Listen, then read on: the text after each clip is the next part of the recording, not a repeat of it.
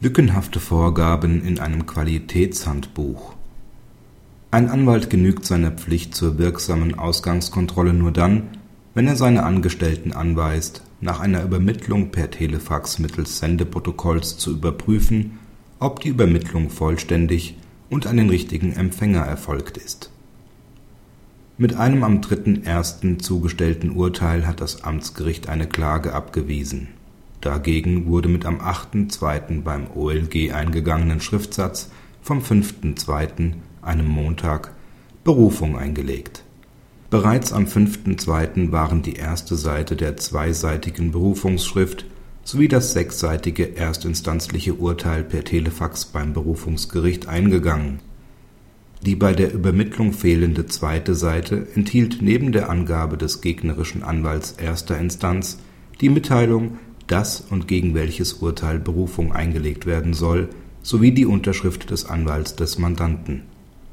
Zur Begründung der daraufhin beantragten Wiedereinsetzung wurde unter anderem vorgetragen, dass die unterbliebene Übermittlung der zweiten Seite auf ein Versäumnis der Rechtsanwaltsfachangestellten zurückzuführen sei. Zu deren Aufgaben gehöre die Notierung und Überwachung von Fristen die Kanzlei sei nach ISO 9001 zertifiziert. Sämtliche Arbeitsvorgänge seien in einem Qualitätshandbuch verzeichnet. Die Einhaltung der vorgegebenen Vorgänge werde regelmäßig überprüft. Der zwölfte Zivilsenat des BGH entschied, dass das OLG Köln das Wiedereinsetzungsgesuch zu Recht zurückgewiesen hat. Dem per Telefax eingegangenen Schriftsatz hat es am letzten Tag der Berufungsfrist an der Unterschrift des Anwalts gemangelt. Diese war auch nicht ausnahmsweise entbehrlich, weil sich nicht aus anderen Umständen eine vergleichbare Gewähr dafür ergab, dass der Rechtsmittelanwalt die Verantwortung für den Schriftsatz übernommen und diesen willentlich in den Rechtsverkehr gebracht hat. Dem Mandanten ist es nicht gelungen, das ihm zuzurechnende Anwaltsverschulden auszuräumen. Der Anwalt konnte seinerseits nicht nachweisen dass er seiner Pflicht zur wirksamen Ausgangskontrolle nachgekommen ist, dass durch allgemeine Kanzleianweisungen vorgeschrieben ist, bei der Übermittlung einer Rechtsmittel oder Rechtsmittelbegründungsschrift per Telefax nicht nur die Versendung an den richtigen Empfänger zu prüfen, sondern auch die Vollständigkeit der Übermittlung zu kontrollieren, ergibt sich aus dem Vorbringen des Mandanten nicht.